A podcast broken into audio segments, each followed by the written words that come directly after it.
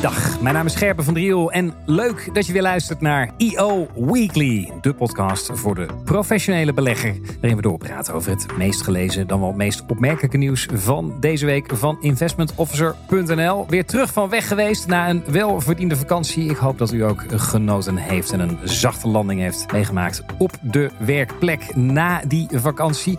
Zal ongetwijfeld niet gaan gelden voor waarderingsspecialisten in Luxemburg. Die moeten vol aan de bak. Hoe dat zit, hoort u straks. En terwijl we met z'n allen op het strand een beetje lagen, werd de groof Peter Kam in België overgenomen. Welke impact heeft dat op het Belgische private banking landschap? Ook dat gaan we bespreken. Maar we beginnen met AI. Beleggen met kunstmatige intelligentie. Dat is de titel van de column van Han Dieprink, Chief Investment Strategist bij Aureus. Van deze week, onze, een van onze gewaardeerde columnisten. Um, ja, veel gelezen column. Uh, meneer Dieprink, ja, uh, een column over AI. Ga ik u meteen een beetje plagen, want dan dient bij mij uh, meteen al de vraag op: heeft u hem nou nog zelf geschreven of heeft u AI gebruikt om hem te schrijven? nou, ik moet eerlijk bekennen dat ik af en toe wel eens ChatGPT gebruiken om bijvoorbeeld teksten voor LinkedIn uh, te genereren. Ja. Dus dan zie je dus dat uh, ja, als je kijkt het helemaal SEO uh, compatible moet zijn, dan gebruik ik wel eens kijken wat ChatGPT erover zegt. Maar uiteindelijk schrijf ik mijn teksten uiteindelijk zelf natuurlijk. Ja, het is natuurlijk ook, ja, ik weet waar, waar, van waar het idee om, om, om juist nu een column over AI te schrijven? Nou, het, het, is hot natuurlijk. Hè. Dus je kijkt dit jaar, dan heb je de Magnificent Seven. Dat zijn eigenlijk allemaal uh, aandelen die te maken hebben met kunstmatige intelligentie. En die hebben voor een groot deel het rendement van de beurs bepaald dit jaar. Dus je kan kijken naar de economie, je kan kijken naar liquiditeit, je kan kijken naar waardering. Het zijn gewoon zeven aandelen, die soort thematische belegging eigenlijk door de komst van het programma JetGPT, die dan uh, de beurs bepalen dit jaar. En dat is, daardoor wordt er ook veel over geschreven. En het is denk ik ook een verandering, en dat is niet nieuw van deze tijd. Ik heb het al eens vijf jaar geleden wat over gezegd, dat was meer in het kader van robotica. Mm -hmm. Uh, dat, dat, de, de, verandering is natuurlijk groter dan uh, de iPhone, of groter dan zelfs het internet. Uh, er gaat natuurlijk heel veel veranderen dankzij kunstmatige intelligentie. Dat komt nu feitelijk in de stroomversnelling, ook op de beurs. Juist, er wordt veel over geschreven, zegt u. Er gaat ook veel over gesproken worden. Ook door ons, want op 25 september aanstaande is het Fonds-event. Uh, en het thema daarvan is AI, vriend of vijand. U bent dan ook van de partij. Ja. Uh, maar waar staat u als ik zeg AI, vriend of vijand? Wat zegt u? Nou ja, ik denk echt dat het een enorme productiviteitsslag kan betekenen voor uh, heel veel functies. En dat betekent ook als je wat meer productiviteit hebt, je hebt een hogere economische groei, meer winsten. Dus voor beleggers is het een enorme kans uiteindelijk. Ik begrijp wel dat er risico's zijn, zeg maar, dat bepaalde functies van mensen worden overgenomen. Of dat er misschien privacy issues zijn. Of dat er diversity issues zijn met, uh, met, met uh, kunstmatige intelligentie. Maar ja, daar ben je uiteindelijk zelf bij. Dus je hebt daar zelf controle over. Dus ik zie vooral de kansen en wat minder de risico's in dit geval. Juist, en kansen voor, ook voor beleggers. Ook eh, om, om, om het als beleggershulp te gebruiken wellicht. Dat is waar uw column over gaat. Ik ben heel benieuwd. Uh, en daar ga ik graag straks met u over door. Van hoe u het nu al gebruikt als belegger. En hoe ze het misschien bij Aureus gebruiken. Wat werkt al wel, wat werkt misschien nog niet. Ga ik graag straks met u over in gesprek. Maar eerst gaan we door naar België, waar enige weken geleden groot nieuws was. De overname van de Groof Peter Kam, de tot dan toe grootste onafhankelijke Belgische vermogensbeheerder, wordt ingelijfd door Indo-Suez. Dat is de wealth management tak van Credit Agricole. Oftewel, er vinden verschuivingen plaats in dat Belgische private banking landschap. Hoe ziet dat er nu uit? Waar gaat het naartoe? Daar praat ik over met Jurgen Vluimans, onze collega aldaar ja, uh, het private banking landschap in België ja, verandert ook, denk ik, hè, door middel van die overname. Eén uh, ding is zeker, het vernederlandst in ieder geval niet. Hè? Want ABN AMRO was ook een gegaderde. En die, uh, die haakt af. Is dat, is dat een opluchting eigenlijk voor de Belgen? Dat, dat niet een Nederlandse, maar een Franse partij de groof Peter Kam overneemt? Nee, een opluchting, een opluchting zou ik het niet noemen. Wij zijn Nederlanders op zich heel graag, dus, dus daar, zit, daar zit het probleem niet. Maar je ziet wel dat um, een heel groot deel van, van de assets die bij private bank zijn belegd, dat die nu um, in, in, uh, in handen zijn, als je het zo kan zeggen, mm-hmm. van, van buitenlandse spelers. Hè. Dus dat evenwicht is nu een beetje aan het, aan het shiften richting, uh, richting buitenlandse spelers. Ja. Maar um, als je gaat kijken naar, naar de grote asset uh, owners investors eigenlijk, dan zie je dat de grootbanken toch nog altijd een heel groot deel van die assets voor hun rekening nemen. Mm. dus uh, BNP, KBC, ING, Belfius zijn ook heel belangrijke spelers. En dat komt natuurlijk omdat België een land is, als je kijkt naar asset management en private banking, waar de, de distributiekant nog altijd heel belangrijk is. dus je hebt nog altijd heel veel bankkantoren. Mm uh, waar mensen terecht kunnen om, om uh, hun, hun, vermogen te laten beheren. En vaak hebben die, die grootbanken dan ook exclusieve samenwerkingen met andere asset managers. Hè. Denk bijvoorbeeld aan, aan Belfius, met Belfius Investment Partners en Candrian. Dus ze hebben sowieso een zeer groot en zichtbaar distributienetwerk in België. Oké, dus de Belgische grootbanken die zijn nadrukkelijk aanwezig. Uh, de Groof Peterkam was na die grootbanken de grootste onafhankelijke vermogensbeheerder. Die wordt dan nu wel overgenomen. Maar ik hoor jou er nu wel zeggen, joh, uh, ja, er is wel een shift richting buitenlandse partijen. Maar de Belgische grootbanken zijn in ieder geval nog steeds stevig aanwezig. Klopt dat? De grootbanken zijn nog altijd stevig aanwezig, dankzij hun dichtbaarheid in hun distributienetwerk natuurlijk. Ja. En als je dan uh, gaat kijken, dan zijn ook de, de grote private banks nog altijd heel goed vertegenwoordigd. Mm-hmm. Typisch zo'n een delen private bank, een, een Pilaico. Uh, en dan de, kleinere spelers, hè, zoals een, een Mykonopolis, een, een Welteon, uh, een Quaistor, een Truncus. Dus die kleinere spelers die heel specialiseren. Dat is eigenlijk het derde segment van, van het nieuws is nu een aantal weken oud. Je hebt zelf jaren gewerkt bij de Groof Peter Kambe. Ja. Wat, hoe wordt er over gesproken? Heb je nog contact gehad met oud-collega's? Wat is het sentiment over deze overname? Uh, ik heb daar inderdaad lang gewerkt. Ik heb ook de fusie meegemaakt in 2015. De Peter Kambe en de Groof. Dus je ziet uh, dat die consolidatiegolf uh, heel sterk verder gaat. ik heb daar niet specifiek contacten over gehad met, met ex-collega's of dergelijke meer. Uh, dus het is een beetje afwachten uh, hoe, dit, uh, hoe dit allemaal gaat, gaat evolueren natuurlijk. Hè. Er zullen sowieso wel verschuivingen gebeuren. Dat lijkt mij heel logisch in deze marktcontext. Ja, ik, ik, las een uitspraak van die CEO Hugo Lassat, heet hij, of Lassat, ik weet niet of ik het goed uitspreek, maar die in mei van dit jaar nog uh, in de tijd stond met een uitspraak. Een verkoop van meer dan de helft in de Groof Peterkam is vandaag niet aan de orde. Maar ja, goed, een paar maanden later is dat dan dus wel gepasseerd. Wat zegt dat? Dat zegt uh, dat, uh, dat aandeelhouders altijd gaan kijken wat de meest rationele keuze is op dat moment. Ja. Um, en, en zij willen natuurlijk ook hun, hun, hun belang veiligstellen voor de, voor de komende generaties. dus dat is logisch. Um, en je zit natuurlijk ook in een omgeving uh, waar alles heel sterk uh, gereguleerd is. Hè? Dus nog beter kan is natuurlijk een, een, systeem, een systeeminstelling, die wordt gereguleerd ja. door de NBB en de FSMA. Mm -hmm. Het is heel moeilijk om, om op dat moment koers, koersgevoelige of inside informatie te gaan geven aan de pers. Ja, precies. Eh, tot slot, hoe uh, zie jij het vanaf nu verder ontwikkelen? Of hoe ziet men het verder ontwikkelen? Verwacht men nog meer overnames in het Belgische landschap? Is de consolidatiegolf nog volop gaande? die consolidatiegolf die is denk ik nog altijd aan de gang. Maar ik denk niet dat we nog heel veel groot spectaculaire deals moeten verwachten de komende tijd. Mm -hmm. Als je gaat praten met, uh, met, met CEO's van, van kleinere vermogensbeheerders of kleinere uh, family offices en dergelijke meer, dan zie je toch dat ze heel sterk gehecht zijn aan hun onafhankelijkheid. Okay. En het zou mij heel sterk verbazen als, uh, als die kleinere spelers dat die nu opeens allemaal zouden gaan beslissen om over te gaan in een groter geheel. Juist. Uh, Jurgen Vlijmans vanuit België, dankjewel. Door naar uh, Luxemburg, waar ja, waarderingsspecialisten waarschijnlijk uh, een, van een koude kermis thuiskomen als ze terugkomen van vakantie. Want dan ligt er een stapel werk op het bureau te wachten. Dat mag je in ieder geval verwachten als je kijkt naar uh, ja, waar toezichthouders mee komen. Ik ben een beetje cryptisch, maar collega Raymond Frenke die weet het allemaal haarfijn uit te leggen. Raymond, wat is er aan de hand in Luxemburg?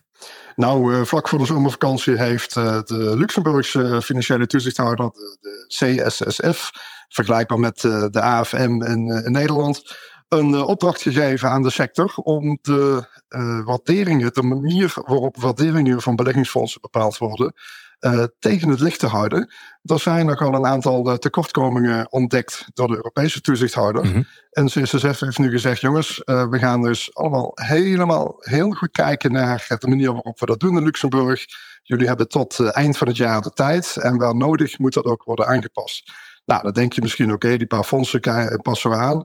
Uh, kijken we even naartoe. Maar in Luxemburg heb je het wel over uh, ja, heel veel fondsen. De toezichthouder heeft gezegd, je moet voor de USIT-fondsen en voor de alternatieve beleggingsfondsen.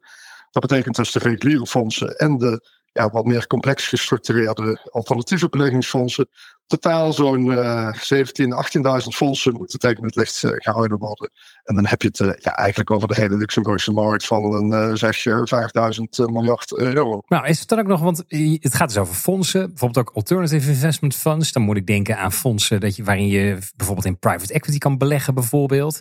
Die moeten dus, die waarderingen worden nu tegen het licht gehouden. Als ik nu Nederlandse vermogensbeheerder ben en ik zit in zo'n Luxemburgs fonds, kan het dan zo zijn dat straks, waar ik nu denk van hé, dat fonds is wij spreken 100 waard, dat er dan zo uitkomt dat het nog maar, weet ik wat, 85 waard blijkt te zijn, nu er nauwkeuriger gekeken wordt.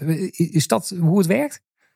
Ja, dat, dat, dat zou kunnen. Uh, er natuurlijk gezegd, nou, kijk bijvoorbeeld naar een Nederlandse pensioenbelegger die in een van die vele uh, onroerend goedfondsen in Luxemburg zit. Die fondsen worden ja, iedere maand of zeker uh, ieder kwartaal uh, tegen het licht gehouden. Dan, wordt een prijskaartje opgeplakt. We weten allemaal dat die onroerend goedmarkt in Europa vrij lastig zit. Zeker als je in Duitsland zit, uh, belegt. Nou ja, en dan komt er inderdaad het cijfer van 85 uit. Mm -hmm. uh, maar misschien had dat cijfer van 85 wel uh, 80 of 75 moeten zijn, of 90. Ja. Hoe wordt dat gecontroleerd? Dat hele proces wat daaraan ten grondslag ligt, hoe bepaal je dat cijfer wat dat fonds waard is? Dat moet nu meteen het licht worden gehouden. Ja. En wat dat dus, uh, ja, dat, dat heeft allemaal ermee te maken dat er vorig jaar een hele brede review heeft plaatsgevonden uh, onder de paraplu van de ESMA, de Europese toezichthouder. Mm -hmm. En daar hebben alle nationale toezichthouders een, een, soort steekproef moeten doen. En in Luxemburg is gebleken ja, dat er toch wel uh, behoorlijk wat uh, probleempjes waren. Vooral als het gaat om die, uh, die alternatieve beleggingsfondsen en, en private equity Ja. en private debt. Ja, maar die zijn natuurlijk per definitie moeilijk te waarderen. Dan kom je volgens mij, ik heb het idee dat je dat nooit helemaal tot achter de komma kunt waarderen ook. Uh, dus vraag ik me ook af in dit geval, zijn deze toezichthouders nou een beetje, hè, is het nou van, joh, ze hebben weer wat verzonnen bij de toezichthouder en we moeten allemaal weer door een hoepel heen springen? Of hebben ze hier nu toch echt wel een punt? Wat is jouw inschatting? Nou, er zit wel een beetje van allebei de kanten zit erbij. Uh, als je professionele belegger bent en je zit in die alternatieve fondsen, dan weet je dat je dat niet van uh, vandaag op morgen uh, iets mee gaat verdienen. Maar dan wil je wel weten wat dat over vijf of acht of over tien jaar doet. Dus je zit er echt in voor de lange termijn. Mhm. En als er dan een keer een lagere waardering zit, nou ja, dat, dat, daar slapen ze echt niet minder om. Mm-hmm. Aan de andere kant zie je dat in Luxemburg, ja, die, die, alternatieve beleggingsfondsen, die worden gemanaged door uh, firma's. die, die, die hebben dan een licentie als AIFM, Alternative Investment Funds Manager. Nou, die firma's, daar heb je bijna 300 van in Luxemburg. Er zitten een aantal grote partijen in, zoals uh, Universal Invest, zoals Waystone, zoals Apex. Nou, die hebben hun zaakjes wel goed in orde. Die hebben honderden mensen in dienst. Die hebben teams van value valuation, uh, waarderingsspecialisten. Maar je hebt onder de 300 AIFM's heb je ook een heel groot aantal hele kleine firma's. En die kleine firma's die hebben minder capaciteit om zo'n waardering van zo'n fonds uh, ja, op een hele goede manier uit te voeren. En dat is waar de pijn zit in Luxemburg. Dat hoor je ook van de specialisten met wie ik gesproken heb in de markt in Luxemburg. Ja, er zitten toch een aantal uh, kleinere uh, AIFM's, kleinere uh, fondsmanagers. Ja. die, ja, die, die moeten toch eens goed gaan kijken naar hebben ze hun zaakjes wel op orde. Hm. En moeten daardoor waarschijnlijk toch ook gaan aankloppen bij ja, specialistische firma's om te zorgen dat die governance met betrekking tot waarderingen beter geregeld wordt. Ja, en die kunnen dus bij terugkomst van vakantie een pak werk verwachten. Tegelijkertijd kan je ook zeggen, die kunnen weer lekker wat omzet draaien. Dus uh, nou ja, goed, het is goed en slecht nieuws. Ja, de consultants die zijn hier heel erg blij ja, ja, precies. weet je, ik, het, is, dit speelt, hè? jij zit in Luxemburg, dit speelt in Luxemburg. Tegelijkertijd hoor ik je ook zeggen Europese toezichthouder. Dus is het ook iets wat in Nederland en België speelt? Dat is inderdaad, want als je kijkt naar wat er in Luxemburg gebeurt, de, de, de toezichthouder in Luxemburg zegt heel duidelijk: jongens, uh, geef ons niet de schuld hiervan. Dat is niet een ideetje wat wij hebben. Dit is afgedwongen door de ESMA en door wat er in Europa gebeurd is. En ESMA eh, heeft daar ook een rapport over gemaakt, over die, die vingeroefening van vorig jaar. En erin staan geen landen genoemd, geen namen van toezichthouders.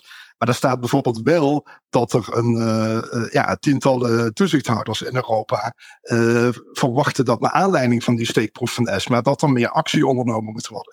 Dus je ziet nu dat CSSF echt zware actie inzet op een volledige herzinning door, doorlichting van het uh, waarderingssysteem. Mhm. uh, maar dat betekent ook dat er andere toezichthouders in Europa uh, ja, die problemen misschien hebben. Misschien niet in die mate zoals in Luxemburg, maar wellicht Ierland. dat zou ook nog wel interessant zijn om dat eens even uit te zoeken.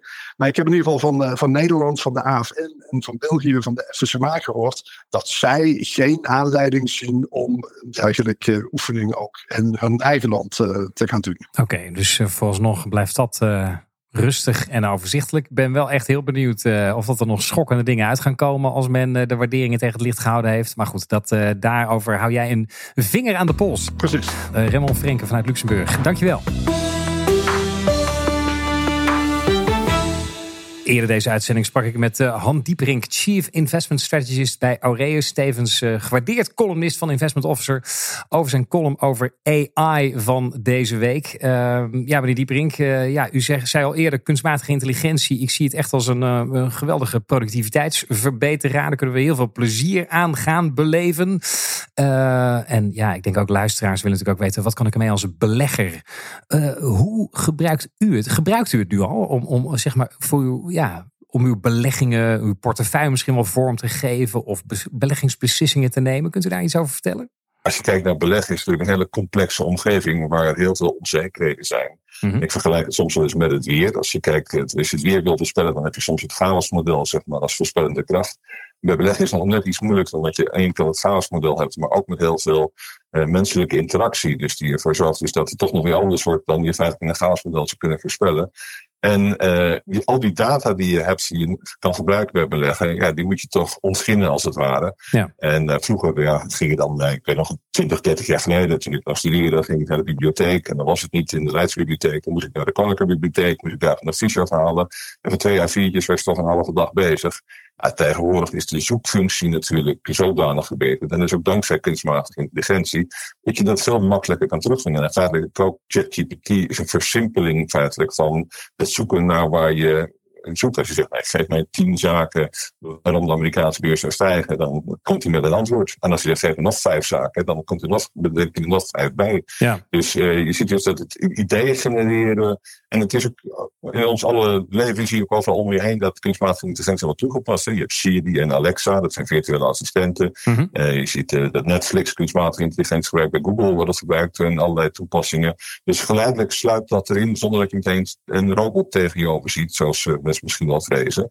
Dus ik denk dat het gewoon heel veel ja. taken versimpelt, versnelt. En met name dus het saaie en geestdodende werk, wat uh, zeg maar naar, naar in bibliotheken zoeken, de data bij elkaar uh, zoeken, ja, dat is het gaat een stuk sneller met de kunstmatige intelligentie. Stel dat ik drie jaar geleden bij Aureus was binnengestapt en had rondgekeken hoe jullie je werk doen en, en, en ik stap nu weer binnen. Welk verschil zie ik dan nu nou ja, in, ieder geval dat Aureus een stuk groter is dan drie jaar geleden. nou, wat je is, is, ja, nou, we hebben natuurlijk ook gewoon echt wel verschillende portefeuilles. We portefeuilles die meer echt van het, het, handwerk zijn, waar je zeg maar analisten aan de slag hebt, die gewoon individuele bedrijven bekijken. En, en moet eerlijk zeggen dat die analisten natuurlijk ook, uh, dit jaar hebben we een internationale portefeuille in plus van, uh, van 20%. Dat komt omdat ze ook hebben onderkend dat kunstmatige intelligentie een hele belangrijke uh, verandering is. Dus er zitten vooral die cloud aandelen, zitten in Nvidia. En dat is zeg maar de, de, de, inschatting van hoe groot kunstmatige intelligentie zelf kan worden. Maar goed, dan werk je nog niet specifiek met kunstmatige intelligentie. Mhm. We hebben ook een portefeuille, dat heet een, een factorportefeuille. En eigenlijk is een factor het beleggen met behulp van factoren. Dan schakel je feitelijk de mensen uit. Dus op basis van een algoritme. En uh, natuurlijk zie je dat dat ook sterk in ontwikkeling is van hoe ga je dan die algoritmes optimaliseren. En de algoritmes gebruiken data, die kijken bijvoorbeeld naar value factoren. En die value factoren, die, uh, dat is van, komt vroeger uit een, een jaarverslag en dat was geaggregeerd. Maar dan zijn misschien ook uh, value componenten in gesprekken met, met analisten of in media optredens of in plaatjes van bedrijven. Mm -hmm. Dus je hebt andere databronnen die je kan combineren om zeg maar je selectie van je bedrijven te perfectioneren. En eigenlijk gebeurt het dus nu al dat je met, op, met behulp van algoritmes eh, talloze bedrijven selecteert in een bepaald uh, gewicht. En feitelijk is het indexbeleggen is natuurlijk ook een vorm van je beleggen op basis van een algoritme, maar dan heel simpel. Je kijkt gewoon naar het aandeel dat het zwaarst weegt in de index. En dat, dat kopieer je dan in, in, in de portefeuille. Mm -hmm. Maar daar kun je stappen verder mee zetten. En zeker zal daar kunstmatige intelligentie ook een, een belangrijke rol in gaan spelen. Maar ja, ik, want ik snap de, ik, ik snap de belofte ook wel, hè, wat dat betreft. Ik, want ik, ik, als ik naar mezelf kijk, als ik een, me in een onderwerp moet verdiepen, ja, dan moet ik echt mijn uiterste best doen om van alles nog wat te lezen. En dan gaat het op een gegeven moment duizelen in mijn hoofd. En als ik dan dus een, een assistent heb die al die data voor mij kan verwerken. En ook nog eens een keer uh, op basis daarvan kan zeggen. En dit is de conclusie. Hè, uit al die databronnen die ik in een split second geraadpleegd heb. Die, belofte snap ik. En ik kan me ook voorstellen dat het als belegger super handig is natuurlijk. Als je al die cijfers en al die nieuwsbronnen. Als dat door zo'n kunstmatige intelligente tool wordt geanalyseerd. Tegelijkertijd vraag ik me toch ook af. Durf je erop te vertrouwen? He, want ik bedoel, als ik nu in de auto zit. En ik rij in een auto. Een bescheiden modelletje van een Duitse autobouwer. En mijn navigatie. Ja, die, die kan heel vaak mij de, heel goed de route wijzen. Maar soms zijn er momenten dat je denkt van ja, dit had ik zelf toch eigenlijk beter gekund. Of als ik, eh, dan ben ik toch net iets slimmer dan dat apparaat. Eh, kun je er uiteindelijk als belegger op vertrouwen dat wat die AI-tools je aanreiken ook echt inderdaad klopt? Um, nou ja, ook AI-tools is natuurlijk een soort uh, gevecht bij de concurrentie, zeg maar. Die ook sneller probeert te, denken, sneller probeert te werken. Kijk, als je die, uh, die kortlopende uh, handelsappmachines hebt, dus die dan echt kijken op hele kortlopende zaken, ja, die, die kunnen eigenlijk de mens, niet, de mens makkelijk beslaan.